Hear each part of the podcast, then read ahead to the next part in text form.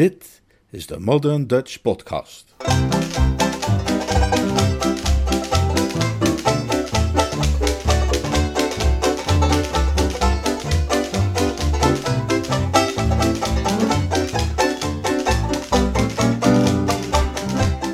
Jeeves en de Liefde. Een roman van P.G. Woodhouse, The Mating Season, vertaald en voorgelezen door Leonard Beuger.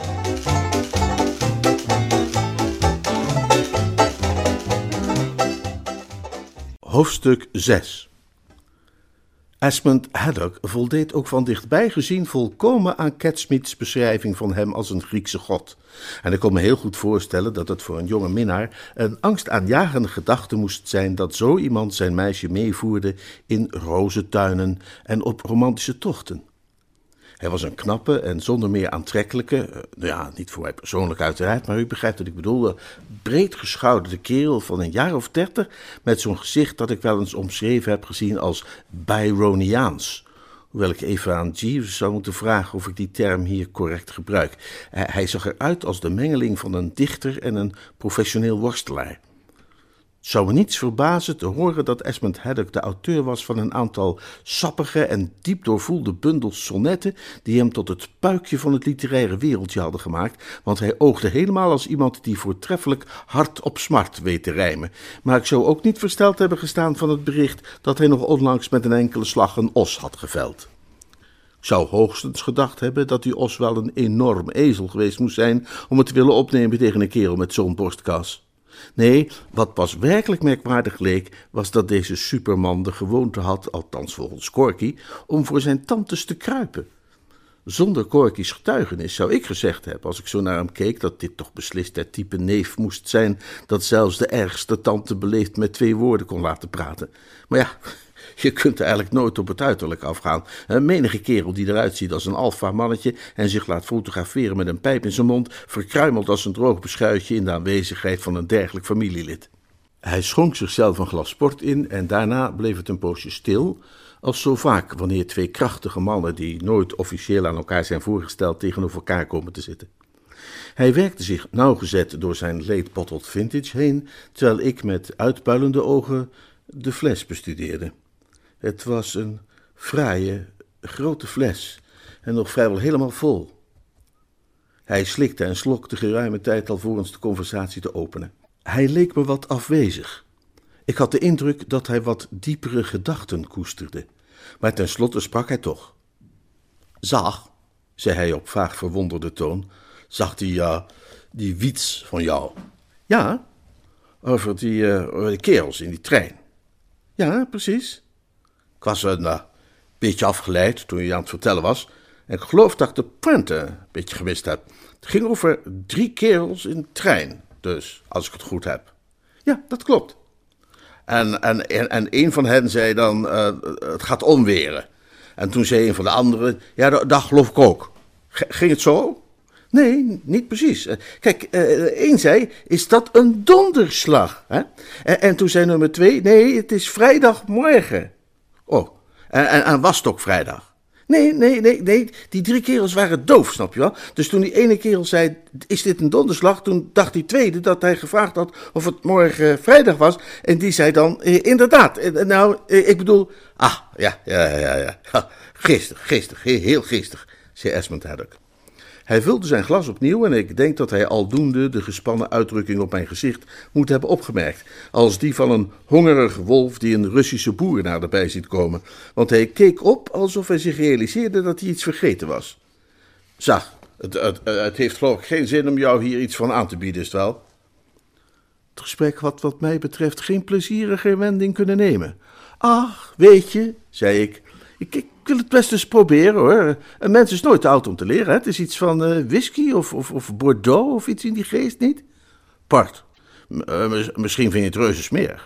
Ach, nou, dat zal wel meevallen. En even later kon ik hem bevestigen dat zulks inderdaad het geval was. Het was een uitstekende oude port met een mooi bouquet en een stevig karakter. En hoewel mijn betere ik me aanbeval om er voorzichtig van te nippen, sloeg ik het glas in één keer achterover. Oeh, lekker, zei ik. Het moet inderdaad iets heel bijzonders zijn. Hè? Nog wat? Ja, graag. Ik neem er zelf ook nog een, zei hij. Kan een stevige opkikker wel gebruiken, eerlijk gezegd. Ken jij de uitdrukking, in deze tijden wordt de mensenziel zwaar op de proef gesteld? Nee, nee, is nieuw voor mij. Tekst van jezelf? Nee, eh, ergens gehoord. Oh, sterke formulering. Nou, en of, vind ik ook. Nog een glaasje? Ja, lekker. Nou, dan doe ik met je mee. Zal ik jou eens wat vertellen? Moet je doen. Ik leende hem mijn oor met alle soorten van genoegen. Die drie bokalen van het Zuiders nat hadden mij een warme genegenheid voor de beste kerel ingeboezemd. Ik kon me niet herinneren dat ik ooit iemand bij een eerste ontmoeting meer toegedaan was geweest. Als hij mij over zijn lijden wilde vertellen, dan was ik bereid daar aandachtig naar te luisteren als een barman naar een oude en gewaardeerde klant. Eh, eh, de reden dat, dat de tijden waarin de mensenziel zo op de proef wordt gesteld ter sprake bracht, is dat die tijden mij op dit moment zwaar in de klauwen hebben. Mijn ziel ligt op de pijnbank, begrijp je wel? Nog part? Nou, graag, dank je. Ik vind dat dat spul beter gaat smaken als je er meer van proeft. Maar waarom ligt jouw ziel op de pijnbank, Esmond? Je vindt toch niet erg dat ik je Esmond noem? Nee, nee, stel juist op prijs. Ik zou jou uh, Gussie noemen, hè? Het was nogal een onaangename schok daar genoegen mee te moeten nemen, want Gussie is naar mijn smaak zowat het absolute dieptepunt als het om namen gaat, maar ik begreep dat ik binnen de rol die ik op mij had genomen zowel het zoet als het zuur zou moeten accepteren. Wij leegden onze glazen en Esmond Haddock vulde ze opnieuw. Hij trof mij als een gulle gastheer. Esmond, zei ik, jij treft mij als een gulle gastheer. Dank je, Gussie, zei hij. Hé, jij bent een onbekrompen gast. Maar, je vroeg me waarom mijn ziel op de pijnbank ligt. Nou, zal ik je vertellen, Russie. Maar eerst wil ik even zeggen dat jouw gezicht, hè, jouw gezicht me bijzonder aanstaat. Ik zei dat dat van hem mij ook erg beviel. Het is, is eerlijk gezegd. Net als dat van hem, zei ik. Eén blik op jouw gezicht. Hè. Zeg mij dat je betrouwbaar bent. Hè. Uh, daar bedoel ik dan mee hè, dat, dat je kan vertrouwen. Juist. Als ik dat niet kon, hè, dan zou ook niet doen. Helemaal volkend. Maar wat ik jou nu ga vertellen, hè, dat moet geheel al tussen ons blijven. Hè, Gussie. Helemaal, Esmond. Goed, dan zeg ik je, de reden dat mijn ziel op de pijnbank ligt, is dat ik straal, maar dan ook straal verliefd ben op een meisje dat mij aan de kant heeft gezet, de bons heeft gegeven, en met mijn congé. Daar zou ieder ziel van op de pijnbank raken, toch? Ja, dat zou ik wel denken. En ze heet. Eh, nee, nee, ik kan, kan natuurlijk geen naam noemen. Nee, vanzelf. Snischik. Nee, helemaal niet, nee, nee. Dus dan zal ik alleen maar zeggen hè, dat haar naam Cora Purbright is. Corky voor haar vrienden. jij kent haar natuurlijk niet. Ik, ik, weet nog dat ze zei toen ik haar vertelde dat jij hierheen zou komen, dat ze van wederzijdse vrienden had gehoord dat jij een maloot was van de zuiverste water en, en behoorlijk geschift, maar dat ze je nooit had ontmoet. Hm? Jij kent haar trouwens misschien wel van, van het Witte Doek. Haar, haar artiestennaam is Cora Star. Hij, hij, als, hij als gezien? Nou, zeker. Engel, in engel in mensen gedaan, vind je niet? Zonder meer. Vond, ik ook meteen, Gassie. Ik was verliefd op haar lang voordat ik haar ooit had ontmoet. Hè.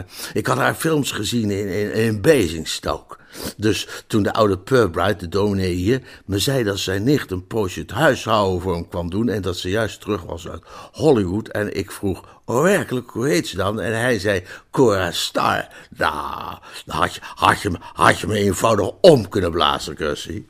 Dat wil ik geloven, Esmond. Ga door. Je verhaal boeit me. Nou, zij kwam hier dus aan, hè? hè, hè? En, en de oude Purbright stelde ons aan elkaar voor. Onze blikken troffen elkaar. Nou, dat lijkt me logisch, ja. Ja. En, en, en geen twee dagen later waren wij volkomen elkaar eens dat wij twee diep, diep verwante zielen waren. Ja, maar vervolgens gaf ze je dus de bons.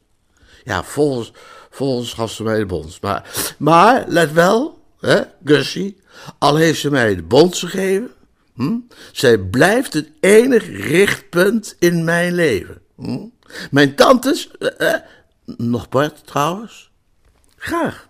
Mijn tantes, Gussie, hè, Zullen je proberen wijs te maken dat ik verliefd ben op mijn nichtje Gertrude? Nou, daar moet je, moet je geen woord van geloven. Ik zal je vertellen hoe dat misverstand is ontstaan. Kort nadat Corky mij uit de krijt had gejaagd, ging ik toevallig naar de bioscoop in Basingstoke. En in de film die ze daar vertoonde kwam een kerel voor, hè, die door zijn vriendin aan de deur was gezet. En om haar aan het nadenken te zetten, zodat ze wellicht haar mening zou veranderen, begrijp begon hij werk te maken van een ander meisje. Hè? Oh, om haar jaloers te maken dus, zeg maar. Precies. Precies. En, en leek mij een slim idee. Ja, heel slim. Ik dacht dat eh, als ik nu Gertrude beetje het zou gaan maken, hè, dat Corky dan wellicht wel bij zou draaien. Dus ik achter Gertrude aan. Juist, ja. Maar wel een beetje link, vind je niet? Link? Nou, stel je voor. Stel je voor dat, dat, dat je het een beetje te goed deed en, en wat al te fascinerend zou worden. Dan, dan zou je haar hart wel eens kunnen breken, bedoel ik. Cor Corky's hart? Nee, dat, dat van je nicht Gertrude. Oh nee, maar dat is, wel goed. Hè? Zij is zelf verliefd op Corky's broer. Er is geen kans dat ik Gertrudes hart zal breken. Misschien moest ze maar eens drinken op het succes van mijn plannetje, vind je niet, Gussie? Uitstekend idee, Esmond. Ik was, zoals u zich kunt voorstellen, behoorlijk opgetogen. Dit betekende immers dat de duistere dreiging van Esmond Haddock verdwenen was uit Catsmeets leven. Hij hoefde zich geen zorgen meer te maken over die rozentuin. Hm? Je, je zou Esmond Haddock zonder enig risico rustig urenlang kunnen loslaten met Gertrude Winkworth in welke rozentuin dan ook. Ik hief mijn glas en leegde het op Catsmeets geluk. Of er daarbij een traan welde in mijn oog zou ik niet kunnen zeggen, maar het lijkt me zeer waarschijnlijk omdat ik Corky zogenaamd nooit ontmoet had, was het natuurlijk jammer dat ik de zon niet vrolijk stralend kon terugbrengen in Esmond Haddock's leven en hem niet kon laten zinderen door hem te vertellen wat zij tegen mij gezegd had, namelijk dat zij van hem hield. Alles wat ik kon doen, was hem verzekeren dat hij de hoop vooral niet moest opgeven. En hij antwoordde dat hij de hoop ook echt voor geen meter verloren was. Uh, ik, zou je zeggen, waarom vooral ik de hoop niet verloren heb, Gussie. Pas geleden is er iets uiterst opmerkelijks gebeurd. Iets veelbetekends. Ze kwam naar me toe hm? en ze vroeg me een lied te zingen op dat gruwelijke concert dat ze aan het organiseren is. Dat was natuurlijk niet iets wat ik uit mezelf zo dolgraag gedaan zou hebben, natuurlijk niet. Ik heb nog nooit iets gezongen op een dorpsconcert. Jij wel? Oh, nou, vaak. Is vreselijk om te moeten doen, toch? Nee hoor, ik vond het leuk. Ik wil niet beweren dat het altijd een pretje was voor de toehoorders. maar zelf heb ik er wel van genoten. Ben jij uh, zenuwachtig bij het vooruitzicht, Esmond? Nou, er zijn, zijn momenten, Gussie, hè, dat me bij de gedachte aan wat me te wachten staat, koude zweet uitbreekt. Hè? Koude transpiratie.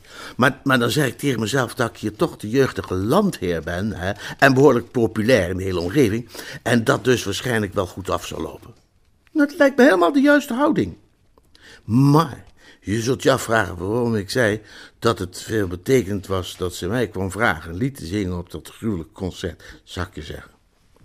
Ik houd dat voor definitief bewijs dat er nog altijd iets van liefde bij haar gloeit. Ik, ik, ik bedoel, als dat niet zo was, zou ze me dan komen vragen om liedjes te zingen op concerten. Nee. Ik ga alles inzetten op dat lied, uh, Gussie. Uh, is een meisje met veel gevoel. En als het publiek, als het, als het publiek mij zal horen toejuichen, dan zal hij dat beslist iets doen. Dan zal ze smelten, dan zal ze bezwijken. Zou me niets verbazen als ze dan, oh Esmond, zou zeggen en zich in mijn armen zou werpen. Onder voorwaarde uiteraard dat ik niet afga op dat toneel. Jij gaat niet af. Dus jij, uh, jij denkt van niet. Vast en zeker niet. Ze zullen je vreten. Je bent een reuze steun, Gussie. Ik doe mijn best, Esmond. En wat ga je zingen? Zij gelooft in mij? Of uh, blijf altijd bij mij? Nee, nee, nee, iets wat mijn tante Charlotte heeft geschreven, met muziek van mijn tante Myrtle. Ik perste de lippen op elkaar. Dat klonk niet al te best. Wat ik gezien had van tante Charlotte gaf me geen aanleiding om te veronderstellen dat het artistieke vuur in haar gloeide. Ik wilde haar werk niet ongehoord veroordelen, uiteraard, maar ik had er wel een fix bedrag op durven verwedden dat haar pennenvruchten behoorlijk aan de beroerde kant zouden zijn. Zag, zei Esmond Haddock, die door een gedachte getroffen werd. Zou je het erg vinden om dat lied even met mij door te nemen? Nou, je zou me geen grote plezier kunnen doen, Esmond. Behalve dan met misschien nog, nog een glaasje port. Nou, behalve dat dan misschien, dankjewel, ja. Esmond Haddock dronk zijn eigen glas meteen leeg. Nou, couplet, dat sla ik even over. Hè? Dat, is, alleen een hoop geleuter over de zon die al hoog aan de hemel staat. En de ochtend die zo fris en helder is enzovoort. Ja, juist, juist. Waarom gaat het refrein? Dat moet hem doen, gaat zo. Dat, dat gaat zo. Hij nam de ernstige en vastberaden uitdrukking aan van een opgezette kikker en barstte los. Hallo, hallo, hallo, hallo, hallo. Ik hief mijn hand op. Hey, wacht eens even, wat, wat moet dit voorstellen? Ben je zogenaamd iemand aan het opbellen of wat? Nee, nee, het is een jachtlied. Ah, oh, een jachtlied. Ja, juist. Nee, ik dacht, dat, uh, ik dacht even dat het zo'n kom aan de telefoon een liefje liedje ging worden. Maar, maar goed. Oké, ga verder. Hij begon opnieuw. Hallo, hallo, hallo, hallo, hallo. Kom aan, wij gaan op jacht, pom pom. Kom aan, wij gaan op jacht, Gussie. Ik hief opnieuw mijn hand op. Vind ik niks. Wat vind je niks? Dat uh, pom pom. Oh nee, eh, dat, dat is alleen maar de begeleiding, hè. En dat, en dat Gussie opeens aan het eind vind ik ook niks. Dat draagt niet echt bij. Ze, zei ik dan, Gussie? Ja, je zei, kom aan, we gaan op jacht, pom pom. Kom aan, we gaan op jacht, Gussie. Oh, nou, nee, dat, dat schot er dan per ongeluk even uit. Dus dat staat niet in de tekst? Nee, nee, staat niet in de tekst. Nou, dan moet je bij de uitvoering wel weglaten. Ja, dat zal ik doen. Uh, uh, verder gaan? Ja, goed. Waar, waar was ik gebleven? Ja, je kunt het beste helemaal opnieuw beginnen. Tuurlijk, tuurlijk. Ja, oh, nou, nou, nou schud. Nou, een uh, drupje dan misschien. Goed, goed, oké. Oké, begin nog een keer opnieuw, hè? En, en, en dan sla ik dat van de zon staat al hoog aan de hemel en zo gewoon weer over.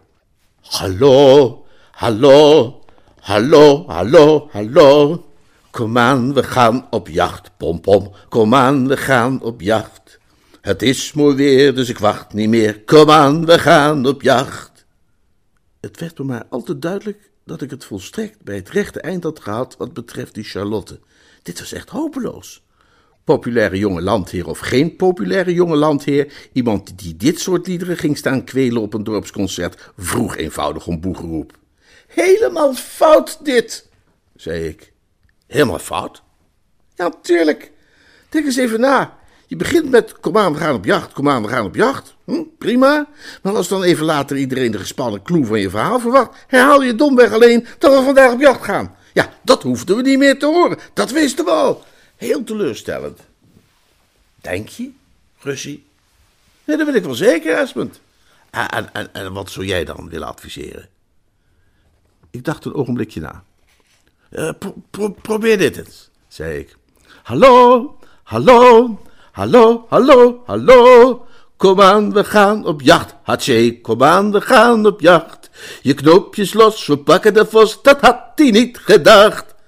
Zo, zeg, dat, dat, dat loopt lekker. Ja, is wat sterker, dacht ik. Veel sterker. Oké, en hoe gaat het dan verder? Hij trok weer zijn opgezette kikkergezicht. O hoor hoe daar de jachthoorn klinkt, en over bos en heide zingt. Gejagers langer niet gewacht, kom aan, wij gaan op jacht. Ik liet dit even in mezelf naklinken. Nou, die eerste twee regels kunnen wel mee door, zei ik. Die jacht hoor en de bos en hei, niet gek. Uh, Allee, Charlotte, ik geef toe, je kunt het. Maar dat slot is weer niks. Dat vind je niet mooi? Zwak, heel zwak. Ik weet niet wat voor volk hebben jullie in Kingsdeville de staanplaatsen bezet, maar als dat hetzelfde soort ongeschoren getijsem is dat bij alle andere dorpsconcerten op de achterste rij valt aan te treffen, is dit eenvoudig een uitnodiging voor ze om te gaan fluiten en boer roepen. Nee, dat moet beter. Scherper. Uh, wacht even. Vos, Vos, Ros, Bos, de Klos. zei ik en ik greep naar de fles met het restant van de port. Ik heb het, geloof ik. Oh, hoor hoe daar de jachthoorn klinkt en over bos en heide zingt. Verscheur het dwars door heg en sloot, schiet al die beesten dood. Zoals ik al min of meer verwacht had, was hij diep onder de indruk. Even keek hij mij stom van bewondering aan, maar daarna zei hij dat het hele lied op die manier op een ander niveau werd gebracht en dat hij niet wist hoe hij mij bedanken moest. Verf, ik vind, vind het echt geweldig. Nou, ik hoopte al dat het je zou bevallen. Hoe zing jij die dingen toch, zeg? Oh, dat gaat helemaal zelf. Misschien kunnen we dan uh, de geautoriseerde versie nog een keer doorlopen, beste kerel. zullen, we dat doen? Stel niet uit tot morgen wat je heden doen kunt, Esmond, mijn vriend. Het is wonderlijk hoe men ook zelf in retrospectief vrijwel altijd zorgvuldig weet aan te wijzen waar het misgegaan is bij enigerlei activiteit of onderneming. Neem nu bijvoorbeeld onze dappere poging tot samenzang. Om wat vaart te brengen in onze uitvoering was ik op mijn stoel gaan staan en zwaaide de lege portfles als een dirigeerstok. Achteraf begrijp ik dat dat niet handig was.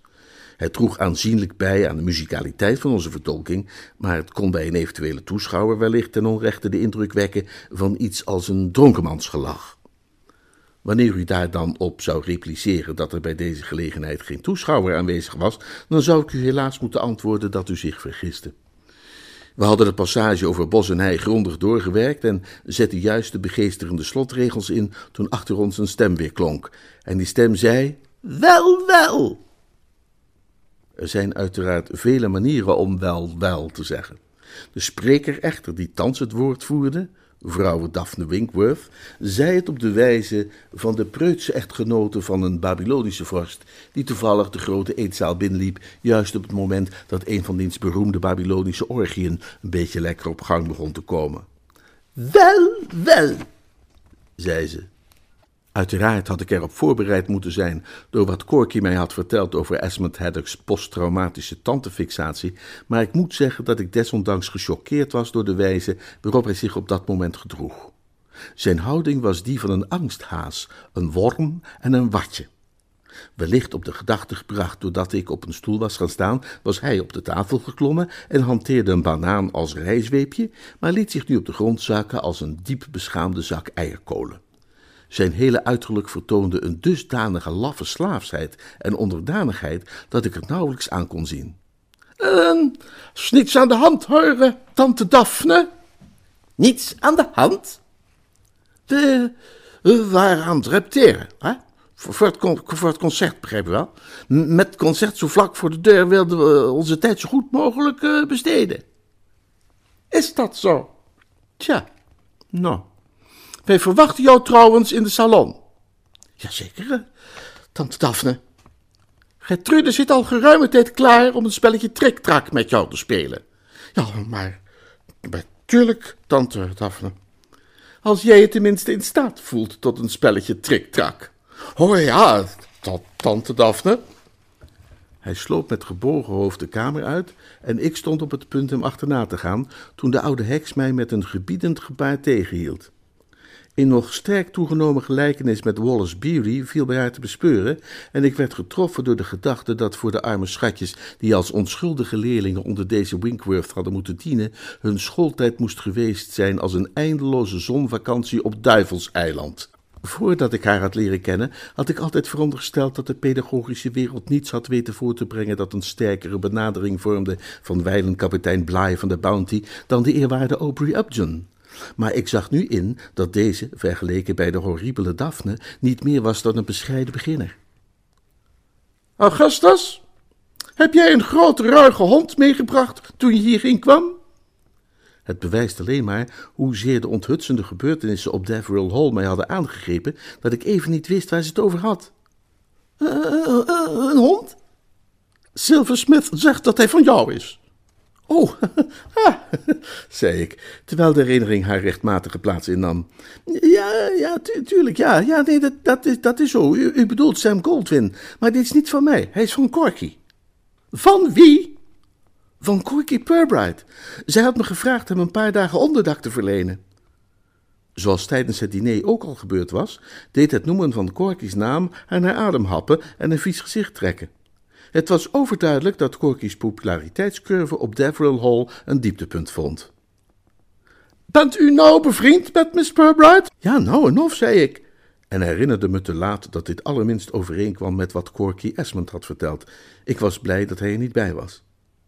Ze wilde haar oom niet onvoorbereid met het dier confronteren, want hij is kennelijk niet zo op honden gesteld, en daarom had ze hem zo lang bij mij ondergebracht. Hij bevindt zich in de stal. Hij bevindt zich niet in de stal. Dan heeft Silversmith mij voor het lapje gehouden. Hij zei dat hij hem daarheen zou laten brengen. Dat heeft hij ook gedaan, maar het beest is losgebroken en kwam zojuist de salon binnenstormen alsof hij dol was. Ik begreep dat een sussend woord hier op zijn plaats was. Nou, Sam Goldwyn is niet dol hoor, verzekerde ik haar. Hij is geen groot licht misschien, maar wel volkomen composmentis. En als hij de salon is binnengerend, dan was dat vast omdat hij dacht dat ik daar zou zijn. Hij heeft een ware passie voor mij ontwikkeld en beschouwt elke minuut als verloren die hij niet in mijn gezelschap door kan brengen. Ongetwijfeld is het eerste wat hij daar in die stal gedaan heeft, het doorknagen geweest van zijn touw, ten einde zich te bevrijden en naar mij op zoek te gaan. Roerend nogal. Haar reactie verried dat zij er niets roerends aan vond. Haar ogen bliksemden van heftige anti-Sam-gevoelens. Hoe dan ook, dat is bijzonder onplezierig. We hadden de deuren naar het terras openstaan vanwege de warmte en die weerzinwekkende woesteling kwam plotseling naar binnen gedraafd. Het heeft mijn zuster Charlotte een zenuwschok bezorgd waar zij een lange tijd niet van herstellen zal. Het dier sprong tegen haar rug op en joeg haar de hele kamer door. Ik zei het niet hardop, want als er één ding is dat de Woesters kenmerkt, dan is het tact. Maar het trof me wel dat dit als een vergelding te zien was voor Charlotte, vanwege al die hallo, hallo, hallo, hallo, hallo, kom we gaan op jacht teksten, waaruit zij een les zou kunnen trekken voor als ze nog eens de pen zou willen nemen. Nu kon zij uit eigen ervaring de zaak ook eens bezien vanuit het standpunt van de vos. En toen wij Silversmith schelden, heeft het dier hem gebeten. Ik moet bekennen dat er bij die woorden een schok van bewondering door me heen ging. Jij bent een betere man dan ik, Gungadin, had ik bijna gezegd. Zelf zou ik Silversmith niet hebben durven bijten, al was het om een stervende grootmoeder te plezieren. Oeh, dat spijt me ontzettend, zei ik. Is er iets dat ik kan doen? Nee, dank je. Die hond laat zich door mij nogal gezeggen. Wellicht kan ik hem ertoe overhalen zich verder te gedragen en terug te gaan naar de stal voor zijn schoonheidsslaapje. Dat zal niet nodig zijn. Silversmith heeft het dier weten te overmeesteren en in een kast op te sluiten. Nu ik van jou hoor dat hij op de pastorie thuis hoort, zal ik hem dadelijk daarheen laten brengen. Oh, zal ik dat voor u doen? Doe geen moeite. Het lijkt me veel beter als jij nu onmiddellijk naar bed zou gaan. Dat leek mij een uitstekende suggestie. Vanaf het moment dat de dames zich hadden teruggetrokken uit de eetkamer, had ik somber vooruitgezien naar de gezellige avond in huiselijke kring die los zou barsten zodra Esmond en ik door de port heen waren. U kent dat soort gezellige avonden wel in huis op het platteland, waar het merendeel van de equipage van het vrouwelijk geslacht is. Men wordt er in hoekjes gedreven om fotoalbums te bekijken. Men krijgt er volksliedjes toegezongen. Het hoofd krijgt de neiging voorover te gaan hangen als een lelie in een rouwboeket en men ziet zich gedwongen het voortdurend moeizaam overeind te hijsen, wat al snel tot een ondraaglijke overbelasting leidt van nek- en schouderspieren. Het was een veel, veel beter idee mij terug te trekken in mijn slaapvertrek, vooral ook daar ik sterke behoefte had aan een overleg met Jeeves, die inmiddels al lang per trein moest zijn gearriveerd met de zware bagage. Ik zal niet beweren dat de woorden van deze vrouw, met daarin de onuitgesproken suggestie dat ik zo toeter zou zijn als een kanon, mij niet hadden gekwetst. Het was maar al te duidelijk haar opvatting dat ik, losgelaten in salons, er onmiddellijk toe zou overgaan daar een atmosfeer te creëren als in een havenkroeg kort na het binnenlopen van de vloot. Wij Woesters zijn echter wezenlijk grootmoedig en ik nam haar dat gezichtspunt niet kwalijk. Ik kon wel begrijpen dat wanneer men een eetkamer binnenkomt en men treft daar een gast aan, die op een stoel is gesprongen met een potfles in zijn hand onder het zingen van teksten als Hallo, hallo, hallo, hallo, hallo, kom aan, we gaan op jacht, atje, kom aan, we gaan op jacht, men daar zo het zijne van gaat denken. Of het hare. Ik ben inderdaad wat vermoeid van de reis, zei ik. Silversmith zal je je kamer wijzen antwoordde zij, en ik bespeurde dat oom Charlie zich in ons midden bevond. Ik had hem niet zien of horen aankomen. Net als Jeeves had hij zich geluidloos vanuit het niets gematerialiseerd. Dat zijn ongetwijfeld dingen die binnen bepaalde families erfelijk zijn. Silversmith? Wal. Wijs meneer Finknottel zijn kamer, zei vrouw Daphne. Hoewel ik kon zien dat zij kennelijk van mening was dat help meneer Finknotter naar zijn kamer een correctere formulering geweest zou zijn. Oh. Ik constateerde dat de man lichtelijk hinkte, waaruit op te maken viel dat Sam Goldwyn zijn kuit inderdaad te pakken had gekregen, maar ik vermeed ernaar te informeren in het besef dat de vraag waarschijnlijk al even pijnlijk geweest zou zijn als die kuit. Ik volgde hem de trap op naar een fraai gestoffeerd slaapvertrek en wenste hem een genoeglijke avond. Oh, uh, Silversmith, zei ik. Ja. Is mijn eh, bediende gearriveerd? Eh, ja, maar ja. Stuur hem even bij me langs. Uh, Stikken, ja. Hij verdampte en een paar minuten later trad een vertrouwde gedaante binnen. Het was echter niet de vertrouwde gedaante van Jeeves. Het was de vertrouwde gedaante van Claude Catamol Purbright.